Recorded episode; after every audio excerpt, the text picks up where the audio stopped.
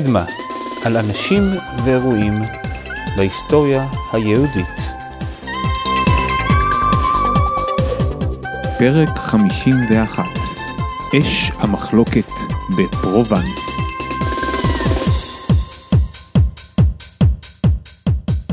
שלום וברוכים הבאים לקדמה, אני נועם אשכולי. ברוכים הבאים לפרובנס. פרובנס אה, לא צרפת, במיוחד בהקשר של היסטוריה יהודית. וגם לא מדובר רק על האזור שהיום קוראים לו פרובנס, בקצה הדרום-מזרחי של צרפת. בהגדרה היהודית מדובר על כל האזור הדרומי מהרי האלפים במזרח, בגבול עם איטליה, ועד להרי הפירינאים במערב, בגבול עם ספרד. היהודים קראו לאזור פרובינציה. האזור היה הפרובינציה הרומית הראשונה, משם השם, פרובנס. יש ספר של פרופסור רם בן שלום על יהודי פרובנס. נעזרתי בו רבות בפרק היום. אז שם הוא כותב שבתחילת דרכו הוא החליט להתמחות בפרובנס בגלל המלצה שהוא קיבל מהמנחה שלו לבחור אזור שיפה לטייל בו. ובפרובנס באמת יפה.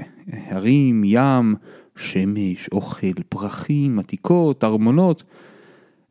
בהחלט מקום יפה, אבל אנחנו כאן היום מסיבות אחרות לגמרי. בפרובנס קרו דברים שלא היו בשום מקום אחר. התרבות שם שונה, גם של היהודים. השפה שם הייתה שונה, אוקסיטנית, או פרובנציאלית כמו שפעם קראו לזה. בפרובנס היו אה, כמה ערים מרכזיות שבהם גרו יהודים, למשל אה, לוניל ומונפלייר, היהודים קראו למקום גם הר הגעש, למרות שלא היה שם הר געש במיוחד. וגם אה, פוסקייר וביזיה ונרבון הגדולה ופרפיניון הקטנה במערב ועד מרסיי במזרח. אזור שלם עם פריחה תרבותית יהודית במאה ה-13 וה-14.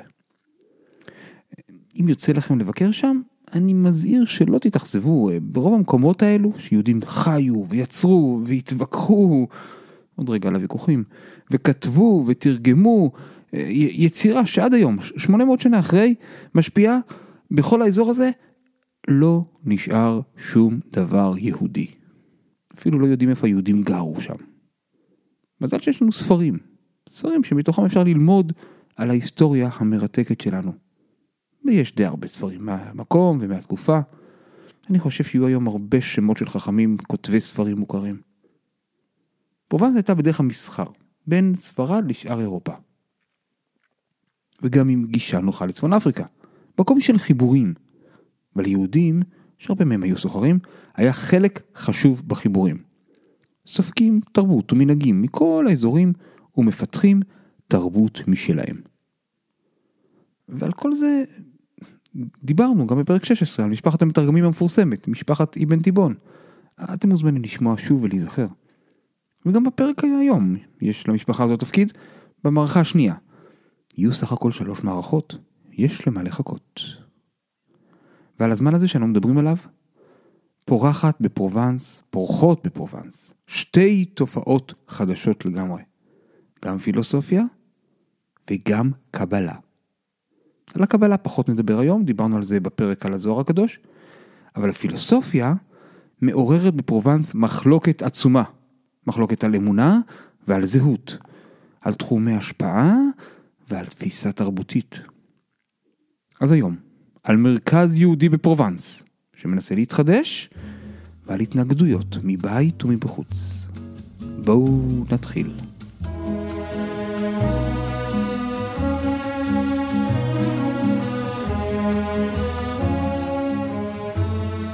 מערכה ראשונה, לוניל, סוף המאה ה-12. היהודים קוראים למקום לפעמים בחיבה בקעת יריחו. לון זה ירח בצרפתית. היה ליהודים כינויים עבריים לרוב המקומות. אולי זה מראה על הקשר הרגשי שלהם למקום. בלוניל הייתה ישיבה. לראש הישיבה קראו רבי יונתן הכהן. הישיבה שם הייתה די מרכזית. עוסקים בגמרא, בהלכה. בהתחלה הישיבה הייתה כנראה במונפליה, ואחר כך הם עברו ללוניל. ולרבי יונתן והתלמידים סביבו הגיע עותק מהספר משנה תורה של הרמב"ם. את הספר הזה הרמב"ם כתב במצרים, בעברית, והם מאוד התרשמו.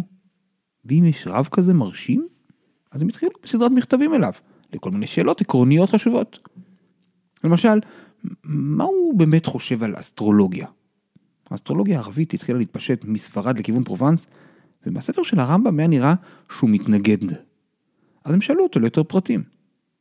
אז הרמב"ם כתב להם איגרת מפורסמת. איגרת אל חכמי מונפלייר על גזירת הכוכבים. עם הסברים מנומקים למה הוא מתנגד לאסטרולוגיה. הם ממשיכים להתכתב איתו, הפעם כבר מילוניל, עם רשימה ארוכה של שאלות, ועכשיו התור של הרמב"ם להתרשם מרמת השאלות ומהחבורה שמתכתבת איתו, והוא עונה להם בפירוט. באחת האגרות האחרונות של הרמב"ם לפרובנס הוא כותב להם שלפי מה שהוא רואה בכל העולם היהודי לא נשארו יהודים שלומדים תורה וגמרא ברצינות. אני מודיע לכם שלא נשאר בזמן הזה אנשים להרים דגל משה ולדקדק בדברי רב אשי, כי רוב המדינות הגדולות מתות ומיעוטן גוססות, ובכל סוריה מדינה אחת והיא חלב, שבה מקצת חכמים עוסקים בתורה. אבל אין ממיתים עצמם באוהלה, ובכל הגולה, בבבל ובשנער, שניים שלושה גרגירים, וכל תימן וערי המיצר הערבים כולם מעט עוסקים בתלמוד. לא נשאר לנו עזרה. אלא אתם אחינו אנשי גאולתנו, חזקו ונתחזקה באדמנו, והשתדלו להיותכם בני חיל, כי הדבר תלוי בכם. האמת היא שכנראה הרמב"ם לא ממש הכיר את הפעילות הענפה של חכמי התוספות בצרפת בדיוק בזמן הזה. אז מבחינתו המקום היחידי שנשאר בעולם שלומדים שם ברצינות זה פרובנס. והוא נותן להם סוג של צוואה להמשיך את דרכו. הייתה הערצה לרמב"ם בפרובנס. פרויקט משנה תורה שמכיל את כל ההלכה, לא, לא היו דברים כאלו. אבל שלא נתבלבל. לא כולם הסכימו לקבל את הרמב"ם. רבי משה הכהן מילוניל, הוא כתב ספר, שבו הוא נזעק לשמור על המנהגים של פרובנס, שהיו שונים ממה שהרמב"ם כתב. והרייבד, רבי אברהם בן דוד מפושקיירה, הוא התנגד עקרונית לשיטה של הרמב"ם לפסוק בלי להביא מקורות, בלי להביא נימוקים במקרים שהוא הכריע במחלוקות קודמות. והרייבד גם חלק עליו בהרבה מקומות. אבל גם הם העריכו את הרמב"ם מאוד. הם הבינו שהעולם לפני הרמב"ם ואחרי הרמב"ם זה לא אותו עולם, ואי אפשר לא להתייחס אל הרמב"ם, חייבים להתמודד עם מה שהוא כתב. והרייבד למשל, הוא קרא הכל לעומק וכתב הערות. קוראים לזה השגות. כמעט על כל הפרקים שהרמב"ם כתב. הרייבד הוא מרשים בפני עצמו, הוא, כתב גם פירוש של כל התלמוד, שלצערנו רק חלק קטן נשאר עד היום, והוא כתב הגאות על כל הריף, הריף זה ספר ההלכה של התקופה, ו- וגם הרבה ספרים על נושאים הלכתיים, והוא כנראה גם עסק בקבלה. וכמו הרייבד, היו עוד חכמים חשובים בפרובנס, ולא נגיע לכולם היום. מעניין דרך אגב שעד היום, כמעט בכל ההדפסות של הרמב"ם, יש את ההשגות, ההשגות של הרייבד צמוד לטקסט של הרמב"ם. זה, זה הפך להיות בלתי נפרד מהרמב"ם. כל מה שאמרתי עכשיו קשור להלכה. אבל הסערה פרצה בגלל ספר אחד מתוך 14. 14 הספרים, היד החזקה, משנה תורה, והספר הזה הוא ספר המדע. ספר המדע זה, זה לא קשור לפיזיקה או מדעי הטבע, אה, לא סייאנס זה משהו אחר. מדע מלשון ידיעה. הרמב"ם הגדיר בהתחלה. ספר ראשון, אכלול בו כל המצוות שהן עיקר דת משה רבנו, וצריך אדם לדע אותם תחילת הכל, כמו ייחוד שמו ברוך הוא, ואיסור עבודה זרה, וקראתי שם ספר זה ספר המדע. יש שם גם על הלכות לימוד תורה ועל הלכות תשובה, וגם דברים שהם יותר קשורים לאמונה. עקרונות היהדות. ובין השאר יש שם גם על המושגים של עולם הבא, ועל תחיית המתים, וזה הקפיץ כמה אנשים. ואחד מהם הוא רבי מאיר הלוי אבולעפיה, הרמה, עם ה' בסוף. הוא היה פרשן תלמוד והיה פוסק הלכה, הוא היה גם משורר. והוא גר בבורגוס ובטולדו, באמת הוא היה אחד הרבינים החשובים של ספרד ושל התקופה.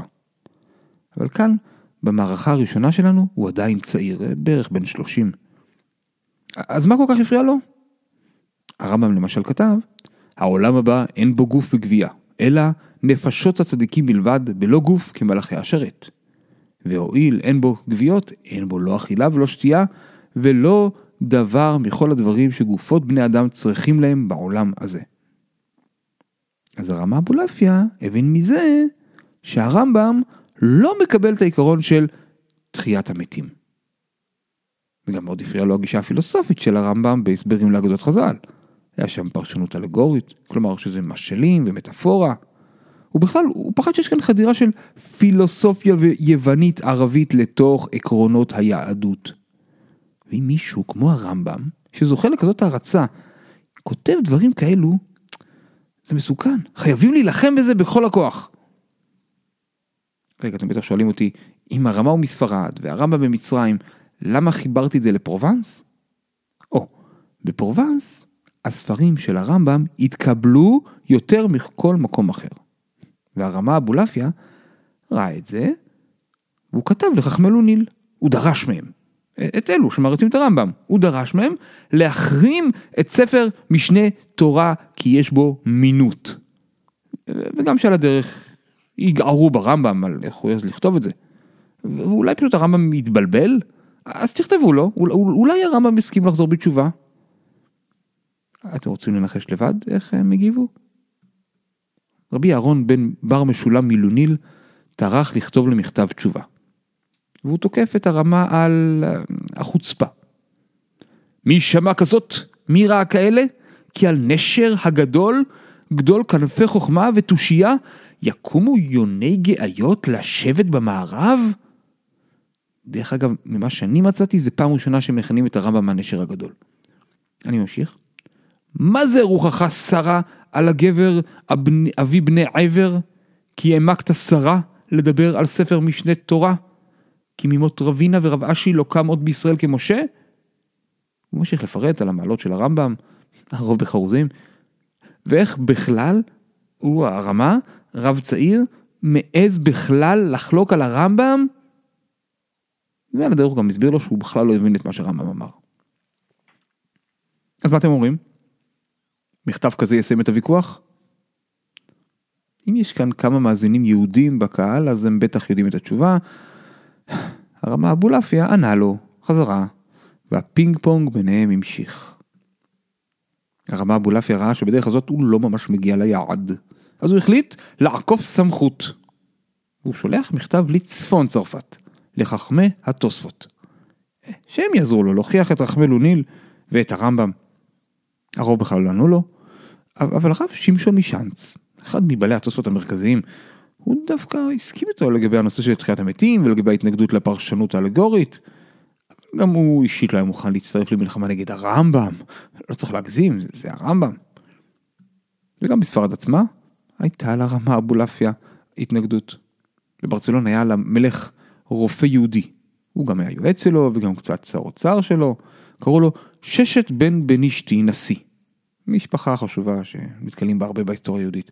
הוא היה גם מנהיג של הקהילה היהודית, אז הוא כותב לרמה מכתב מאוד חריף. הוא אומר גם לרמה שהוא לא הבין הרמה כמה המשנה תורה של הרמב"ם הוא ספר כל כך חשוב ואיך הוא שיפר את הידע ואת רמת הפסיק, פסיקת ההלכה בכל ספרד.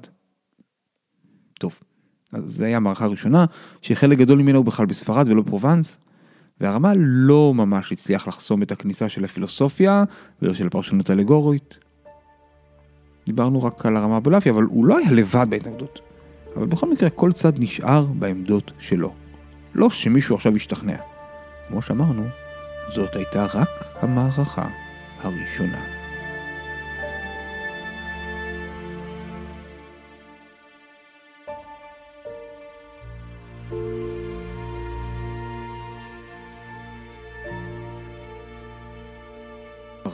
השנייה.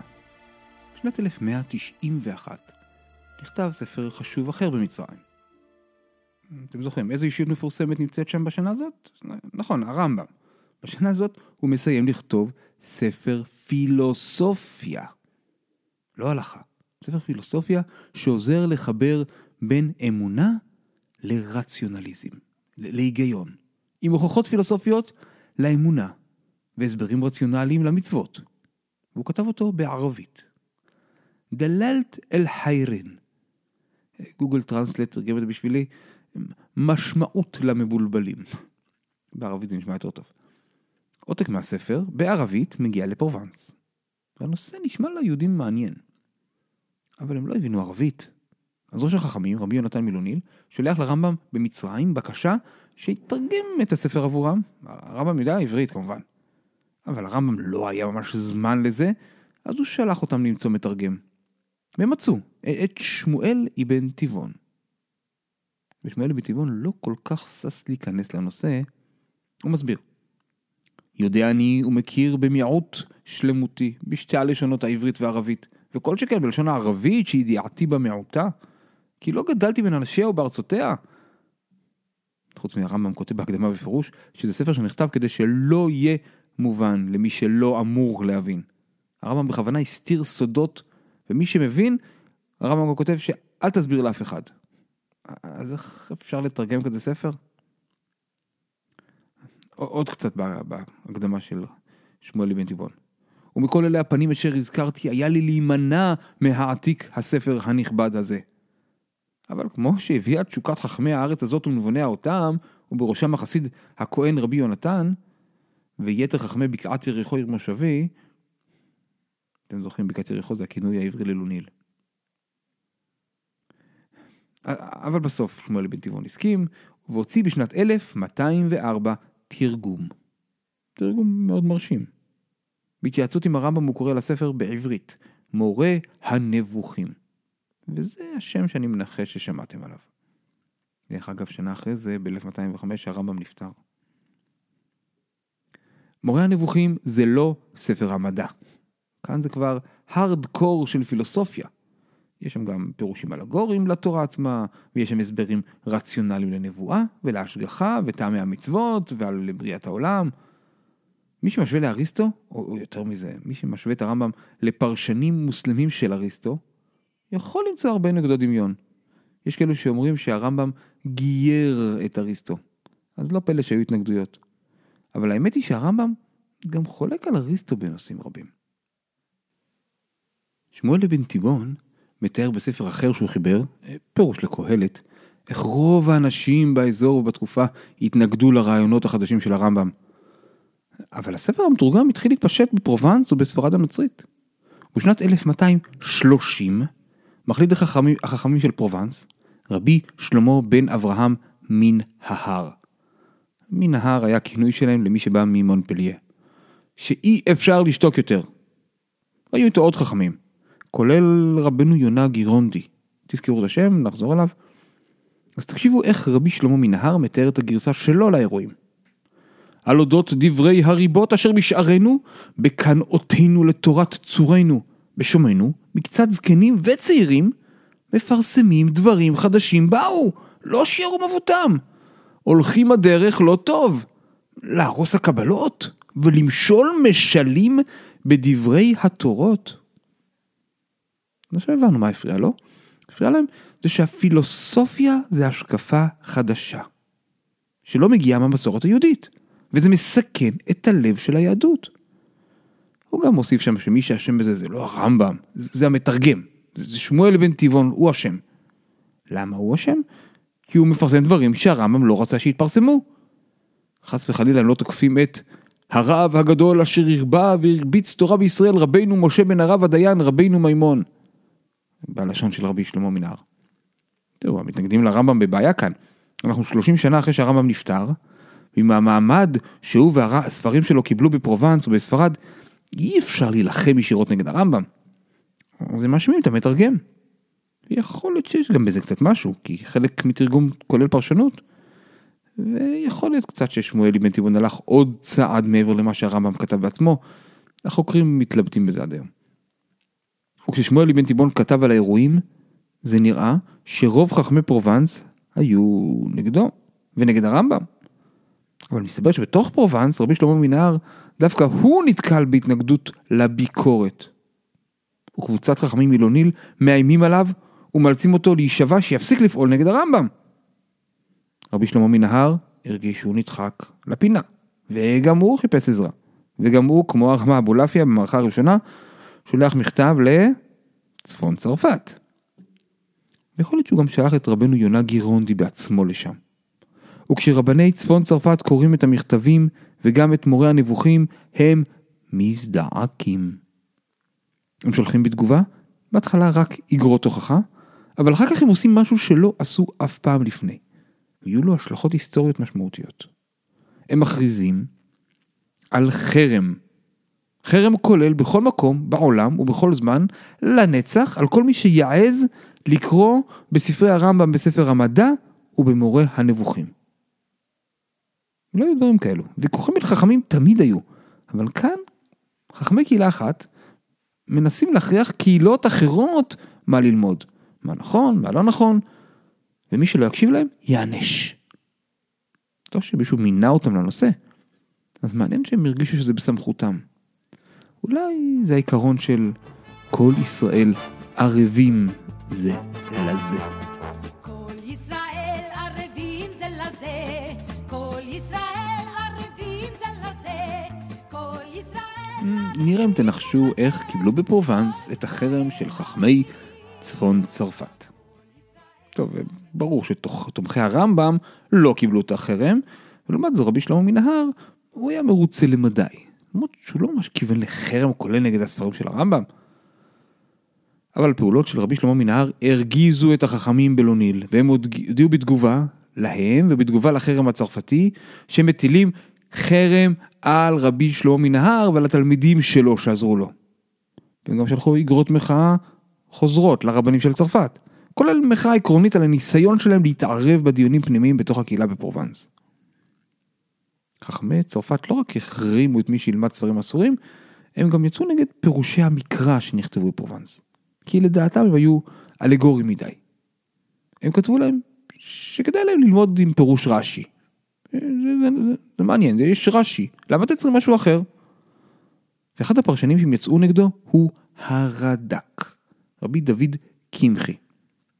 גם משפחת קמחי, כמו משפחת אימן טבעון, הגיעו לפרובנס מספרד, וגם הם עסקו בתרגום. הם היו מומחים לדקדוק. אמרו אז, אם אין קמחי, אין תורה. רבי דוד קמחי כבר היה הדור השני בפרובנס, של חכמים מהמשפחה. הוא כתב פירוש לספר בראשית, ולנביאים, ולתהילים, ולספר דברי הימים. האמת היא שהפירוש שלו הוא בעיקר פירוש של פשט, עם קצת מדרשים, ועם המון דקדוק. הוא היה מומחה לדקדוק. הוא מוכיח למשל שוב ושוב שמטרת הסיפורים בתנ"ך זה לא ללמד אותנו סיפורים או היסטוריה, אלא ללמד אותנו מוסר. אם יש למשל סיפור במקרא שמתאר איזה מעשה שלילי של אבות האומה, כדי ש... זה כדי שנלמד מה לא לעשות. אין אצלו אפולוגטיקה, והוא לא מנסה לייפות בסיפור. הוא לא ממש כתב פילוסופיה. הוא, הוא נזהר בה אולי בעקיפין בפירושים. אני חושב שבעיקר כי הוא השתמש הרבה ברס"ג, ברבנו סעדיה גאון, שהוא השתמש הרבה בפילוסופיה, הוא השתמש גם באבן עזרא והרמב"ם. והרד"ק גם טען שלתורה יש פירוש נגלה וגם פירוש נסתר. אז מכל הדברים האלה, מה בדיוק גרם להתנגדות אליו? אני מודה שלא כל כך ברור לי, אבל זה כנראה אמור להיות קשור למה שהמתנגדים שלו חשבו שהרד"ק כותב על ימות המשיח. אבל בכל מקרה, עם ההתקפה האישית נגדו, נגד הרד"ק, שהוא היה כבר מעל גיל 70, הרד"ק החליט לצאת למסע ארוך לקהילות ספרד, לגייס שם תמיכה. כמה קהילות מרכזיות מממלכת אראגון, זה בצפון ספרד, הם הכריזו בעקבות המסע של הרד"ק חרם נגד רבי שלמה מנהר וחרם עקרוני נגד מי שהחרים את ספרי הרמב"ם. ולעומת זאת, ממלכת קסטיליה, במרכז ספרד, שם היה גרעין קשה שהתנגד לפילוסופיה של הרמב"ם, ושם הרד"ק לא ממש הצליח מסע התעלומה. האווירה הייתה מתוחה. מכתבים חריפים מצד לצד, חרמות הדדיות. ומי שניסה לייצר פשרה היה דמות מפורסמת אחרת, שגם עליה יש פרק בקדמה, פרק 17 אם אתם שואלים, רבי משה בן נחמן, הרמב"ן. הוא היה בצד של המתנגדים לפילוסופיה, אבל הוא הבין שהמחלוקת הזאת כמחלוקת היא מסוכנת, ומדרדרת למקומות לא טובים. אז הרמב"ן פנה למתנגדים לרמב"ם, הוא ביקש שיבטלו את החרם. והוא הסביר להם שלספר מורה נבוכים יש תפקיד. תקשיבו כמה שורות במכתב. רבותינו הצרפתים, תלמידיכם אנו ומימיכם אנו שותים. אני מדלג קצת. למה קדישי עליונים פרסתם לרוב הקהילות רשת החרם? לא נתתם כבוד לרב הגדול אשר בנה בתלמוד מגדל בכל הגלות בספרד ובארץ המערב, ואל המזרח וארץ הצבי היה מושיע ורב, כמה נדחי אמונה הוא קיבץ. אז הוא מסביר שקהל היעד של הספר מורה נבוכים הוא לא הרבנים של ספרד ואשכנז, אלא הקהל היעד הוא אלו שנאלצים להתמודד עם הפילוסופיה היוונית. הספר מורה הנבוכים מיועד לעזור להם.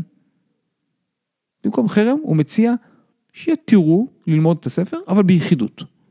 לא להרשות ללמד אותו בקהל הרחב. זה סוג של פשרה. ומעניין שבאמת זה עזר. רבני צרפת, לפחות חלקם, הם הודיעו שהם מבטלים את החרם.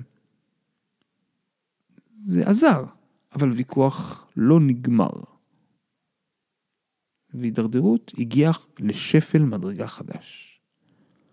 יש התכתבות שהשתמרה בין הרד"ק לאחד המנהיגים היהודים בקסטיליה, שהוא התנגד לרמב"ם והוא תמך ברבי שלמה מנהר, קראו לו יהודה אל פחר. הרד"ק כתב לו שאחרי הפשרה של הרמב"ן, הוא נשאר אחרון שעוד תומך ברבי שלמה מנהר. תקשיבו למילים של הרד"ק. לא באתי לקטרג עמך ולהתווכח, אבל להודיעך אשר בחרת בו, הוא מתכוון לרבי שלמה מנהר, וקראתו צדיק, והנה הוא רשע ושחל, כי יצא לתרבות רעה ונעשה מלשין ומוסר. כי בראותו כי רבני צרפת נטשוהו, ויקרא תחילה לכל הצעירים היחפים. זה מילת קוד לנזירים הנוצרים הפרנציסקנים. אני ממשיך. ויאמר להם, ראו כי בני עמנו רובם מינים וכופרים כי נפתו לדברי משה ממצרים אשר כתב ספרי מינות, ואתם מבארים את המינים שלכם, ברואית שלנו, צוו לשרוף הספרים. אני מניח שהבנתם, אבל אני אסביר. הרד"ק מאשים את רבי שלמה מנהר, שהוא הלשין לכנסייה, שהספרים של הרמב"ם זה ספרי מינות. ובעקבות ההלשנה הזאת, הכנסייה התערבה ושרפו את ספרי הרמב"ם. יכול להיות שזה לא היה רבי שלמה מנהר בעצמו שהלשין, חוקרים חושבים שזה התלמידים שלו, זה לא משנה, התוצאה הייתה מזעזעת. אנשי הכנסייה עברו בבתים של היהודים ואספו את ספרי הרמב"ם, וגם ספרים אחרים. בחלק מהמקרים רק תלשו את הדפים שהם טענו שהם מינות, ובחלק מהמקרים שרפו הכל. ספרים היו אז מאוד יקרים, הכל היה בכתב יד. אנשים היו יושבים שבועות כדי להעתיק לעצמם ספר. והטראומה לראות את כל הספרים האלו נשרפים הייתה טראומה גדולה. זאת הייתה ההתערבות הראשונה במערב אירופה של הכנסייה בעניינים רוחניים פנימיים של היהדות. ויהיו עוד הרבה התערבויות אחרי זה. תראו, זה שהכנסייה התערבה בדיון יהודי פנימי זה לא טריוויאלי. היהודים בסך הכל זכו לאוטונומיה בנושא האמונה. הם, הנוצרים שימרו את היהודים בתור עדות לברית הישנה. משהו עתיק ונחות שאפשר לזלזל באמונה הפרימיטיבית שלהם. אז, אז חוץ ממקומות שניסו לנצר יהודים בכוח, הכנסייה הנוצרית לא ניסתה לשנות את היהדות מבפנים. אז למה כאן הכנסייה כן החליטה להתערב? זה בדיוק הנושא שלנו, אבל בתקופה הזאת היה מאבק בפרובנס של הכנסייה הקתולית נגד הקטרים. הקטרים היו סוג של כת, או נקרא לזה סיעה נוצרית, שהתנגדה לעקרונות של הקתולים, וזו הייתה כת שפרחה בפרובנס. הייתה להם, קוראים לזה אמונה גנוסטית, אה, סוג של אמונה דואלית, אל טוב, אל רע. היה הרבה השפעות בנצרות מדתות פגניות אליליות. אז הקטרים טענו גם שהם הנוצרים האמיתיים. האפיפיור החליט שצריך להשמיד את האמונה הזאת, והוציא מסע צלב אלים נגדם. אם לא שמעתם על הקטרים עד היום, כנראה שהאפיפיור הצליח. וחוץ מזה, היה גם מאבק עקרוני של הכנסייה בתקופה הזאת נגד הכפירה האינטלקטואלית. זה היה במיוחד באזור של אוניברסיטת פריז, אבל לא רק שם. לאורך כל המאה ה-13 מלומדים התחילו להפיץ מדע ופילוסופיה בעקבות הידע שעבר בעיקר מספרד המוסלמית. הכנסייה ראתה בזה איום. אז היו חרמות והחרמות ושריפות של ספרים. הכנסייה לא הרשתה לנוצרים לקרוא את אריסטו או ספרי מדע ופילוסופיה אחרים שהתבססו עליו. אז אם יש פה רמב"ם שגם הוא מסתמך על אריסטו, אז גם הוא כפירה, אז גם עוד זה צריך לשרוף. כמו שאמרנו, כנראה יהודים הלשינו לכנסייה. עשר שנים אחרי זה, יהיה את המשפט המפורסם בפריז נגד התלמוד, שהתוצאות שלו היו שריפת התלמוד. סיפור טרגי אחר, נשמור אותו לפעם אחרת. אבל אתם זוכרים את רבנו יונה גירונדי? התלמיד של רבי שלמה מנהר שעזר לו במלחמה בתומכי הרמב"ם? דרך אגב, הוא היה בן דוד של הרמב"ן. והבן של הרמב"ן התחתן עם הבת של רבי יונה. בכל אופן, רבנו יונה חזר לספרד. ושם היה לו תלמיד בשם רבי הלל בן שמואל. אז, אז הלל בן שמואל מספר שאחרי שרפת התלמוד בפריז על ידי הכנסייה, רבנו יונה ראה את זה בתור עונש. ותוצאה, על זה שיהודים, כולל הוא, גרמו לשרפת כתבי הרמב"ם. תקשיבו לכמה שורות מהאיגרת שמיוחסת להלל בן שמואל. ואם תשאל, מי יודע שאותם הגזרות היו בעוון שרפת המדע והמורה? הענך, הנה האות והמופת, שלא הפסיקו 40 יום בין שרפת רב... ספרי רבנו לשרפת ספרי התלמוד, ובאותו מקום נשרפו כל הספרים והפירושים שנמצאו בפריז, ונתערבב אפר הספרים. זה מעניין, לפי מה שהוא כתב פה, שרפת כתבי הרמב"ם גם הייתה בפריז. והיה הפרש של 40 יום, ולא 10 שנים. אז יש כאלו שמפקפקים באמינות של האיגרת הזאת, אבל אולי הייתה שרפה של כתבי הרמב"ם גם בפריז. אני ממשיך לקרוא. והרב רבי יונה הגדול מברצלונה זצ"ל היה ראש וקצין על כל הרעות הגדולות שנעשו בצרפת. ואז נמס לבבו וקיבל עליו ללכת להשתטח על קבר רבינו במניין עשרה ולבכות על קברו שבעה ימים שמחו לו על אשר מעל בספריו. לפי הגרת הזאת רבנו יונה תכנן לעלות לארץ להשתטח על קבר הרמב"ם ולבקש ממנו סליחה. אבל הוא לא הספיק. אמרו אז גם שהספר המפורסם של רבנו יונה, שערי תשובה, נכתב גם בעקבות האירועים, והוא היה סוג של חרטה על ההשתתפות שלו במחלוקת, כמו שהוא כותב בספר. אמרו רבותינו זיכרונם לברכה, כל המחזיק במחלוקת עובר בלאו, שנאמר, ולא יהיה ככורח וכעדתו. אבל תראו, בהמשך הספר רבנו יונה גם כותב, מי שאינו מחזיק במחלוקת על המתייצבים על דרך לא טוב, הרי הוא נענש מפשעיהם, שנאמר ולא תישא עליו חטא. אז האם רבנו יונה באמת התחרט על ההתנגדות שלו לרמב"ם? למרות שזאת דעה מקובלת היום, לא באמת יודעים.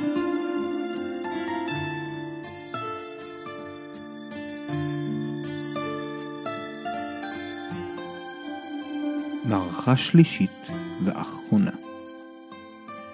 ההתערבות הזאת של הכנסייה והשרפה של הספרים גרמה באיזשהו מקום למחלוקת קצת לרדת. והספרים של הרמב"ם דווקא התקבלו יותר ויותר, אבל אחרי כשני דורות, 60 שנה, פרצה בפרובנס מחלוקת חדשה ישנה.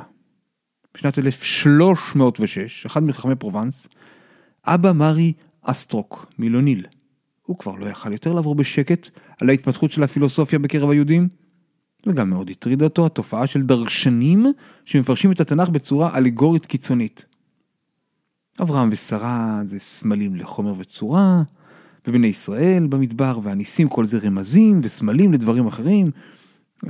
והוא גם טען שיש כאלו בפרובנס שלקחו את זה עוד צעד, וגם המצוות מבחינתם זה רק סמלים ולאו דווקא משהו שצריך לעשות כמו שהוא. אני לא יודע אם זה רק היה חשש שלו, או שהוא ראה את זה בעיניים. וגם הגישה הזאת של אלגוריה התקרבה יותר מדי לשיטה שהנוצרים מפרשים את התנ"ך. ושתי התופעות האלה של הפילוסופיה והאלגוריה היו קשורות למדי. והוא החליט שחייבים להילחם בזה. בתוך פרובנס פחות הקשיבו לו. אז הוא החליט, גם הוא, להיעזר בכוחות מבחוץ. והפעם, מברצלונה. הקשר בין פרובנס לבין ספרד הנוצרית היה תמיד קשר קרוב, גם מרחק וגם תרבותית. וגדול החכמים ברצלונה, אולי בכל ספרד בתקופה, היה הרשב"א, רבי שלמה בן אדרת. לרשב"א היו קשרי מכתבים עם רוב תפוצות ישראל, והוא כתב פירושים וחידושים לתלמוד ולאגדה, והוא כתב ספרי הלכה מאוד משמעותיים ומרכזיים, וספרי שאלות ותשובות, ללא ספק, בשורה הראשונה של חכמי ספרד. והוא היה התלמיד גם של רבנו יונה גירונדי וגם של הרמב"ן, הוא היה ממשיך שלהם בהנהגה. אז אבא מרי שלח מכתב לרשב"א עם בקשה שיתערב כדי להגביל את לימוד הפילוסופיה. הרשב"א לא נענה לו מיד. הם החליפו עשרות מכתבים ביניהם בנושא. ולכן משא ומתן ארוך, הרשב"א הוציא ב-1305 שני חרמות. חרם אחד אסר על לימוד פילוסופיה ומטאפיזיקה לפני גיל 25. החרם השני היה על הדרשנים, על הדרשנים של האלגוריה הקיצונית ועל הכתבים שלהם. שמתם לב? אף אחד כבר לא מדבר על הרמב"ם.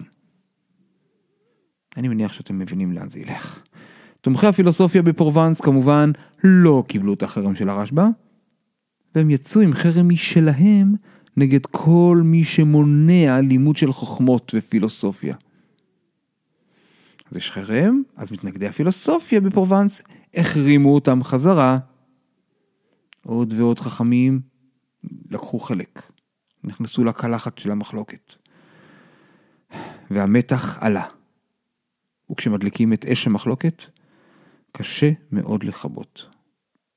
מסתבר שאומנם היה ליהודים אוטונומיה, אבל בשביל להטיל חרם הם היו צריכים אישור מהמושל הנוצרי. ועכשיו היו שני חרמות הדדיות, אז מה, השלטון הנוצרי צריך להכריע בין היהודים? הרשב"א הבין שהכיוון מסוכן. ראינו לאן ההתערבות הכנסייתית מובילה. אז הרשב"א הודיע שהחרם שלו על הפילוסופיה היה רק מקומי. זה היה חרם רק לברצלונה ולאזור שלו. זה לא חרם לפרובנס. הוא שלח לאבא מארי מכתב. ואתם, עלונים מבשן במטותא מנייכו, אל תחזיקו במחלוקת. בחוכמתכם בחרו הסבל, ואל תדברו איתם קשות. הוא כותב להם שיכבו את אש המחלוקת.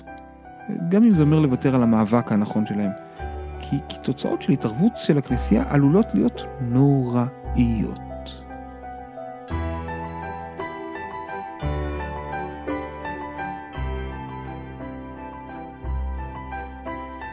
מישהי שאלה אותי פעם, למה הרבה מהפרקים של קדמה נגמרים עם סוף עצוב? אני מודה שהשאלה קצת הפתיעה אותי. אני לא הרגשתי ככה, אבל אולי ברמה העקרונית בהיסטוריה שלנו יש סופים עצובים. אני חושב שגם לפרק היום יש סוף קצת עצוב. המחלוקת הגדולה הזאת שאיימה לפצל את הקהילות ואת האנשים הסתיימה בגלל גורם חיצוני. בשנת 1306 שנה אחת בלבד אחרי החרם של הרשב"א, מלך צרפת פיליפ הרביעי, קראו לו גם פיליפ היפה. הוא החליט לגרש את כל היהודים מהממלכה שלו. למה? הקופה שלו הייתה ריקה, אז נשמע לו רעיון טוב להחרים את הרכוש של היהודים. הוא עשה דרך אגב משהו דומה למסדר הנזירים, הנזירים הטמפלרים שהיו מאוד עשירים. והוא רדף אותם כדי להשיג את הכסף שלהם. לענייננו, מעריכים שמאה אלף יהודים גורשו אז. בצרפת לאורך כל השנים היו המון גירושים. זה אחד הגדולים שלהם.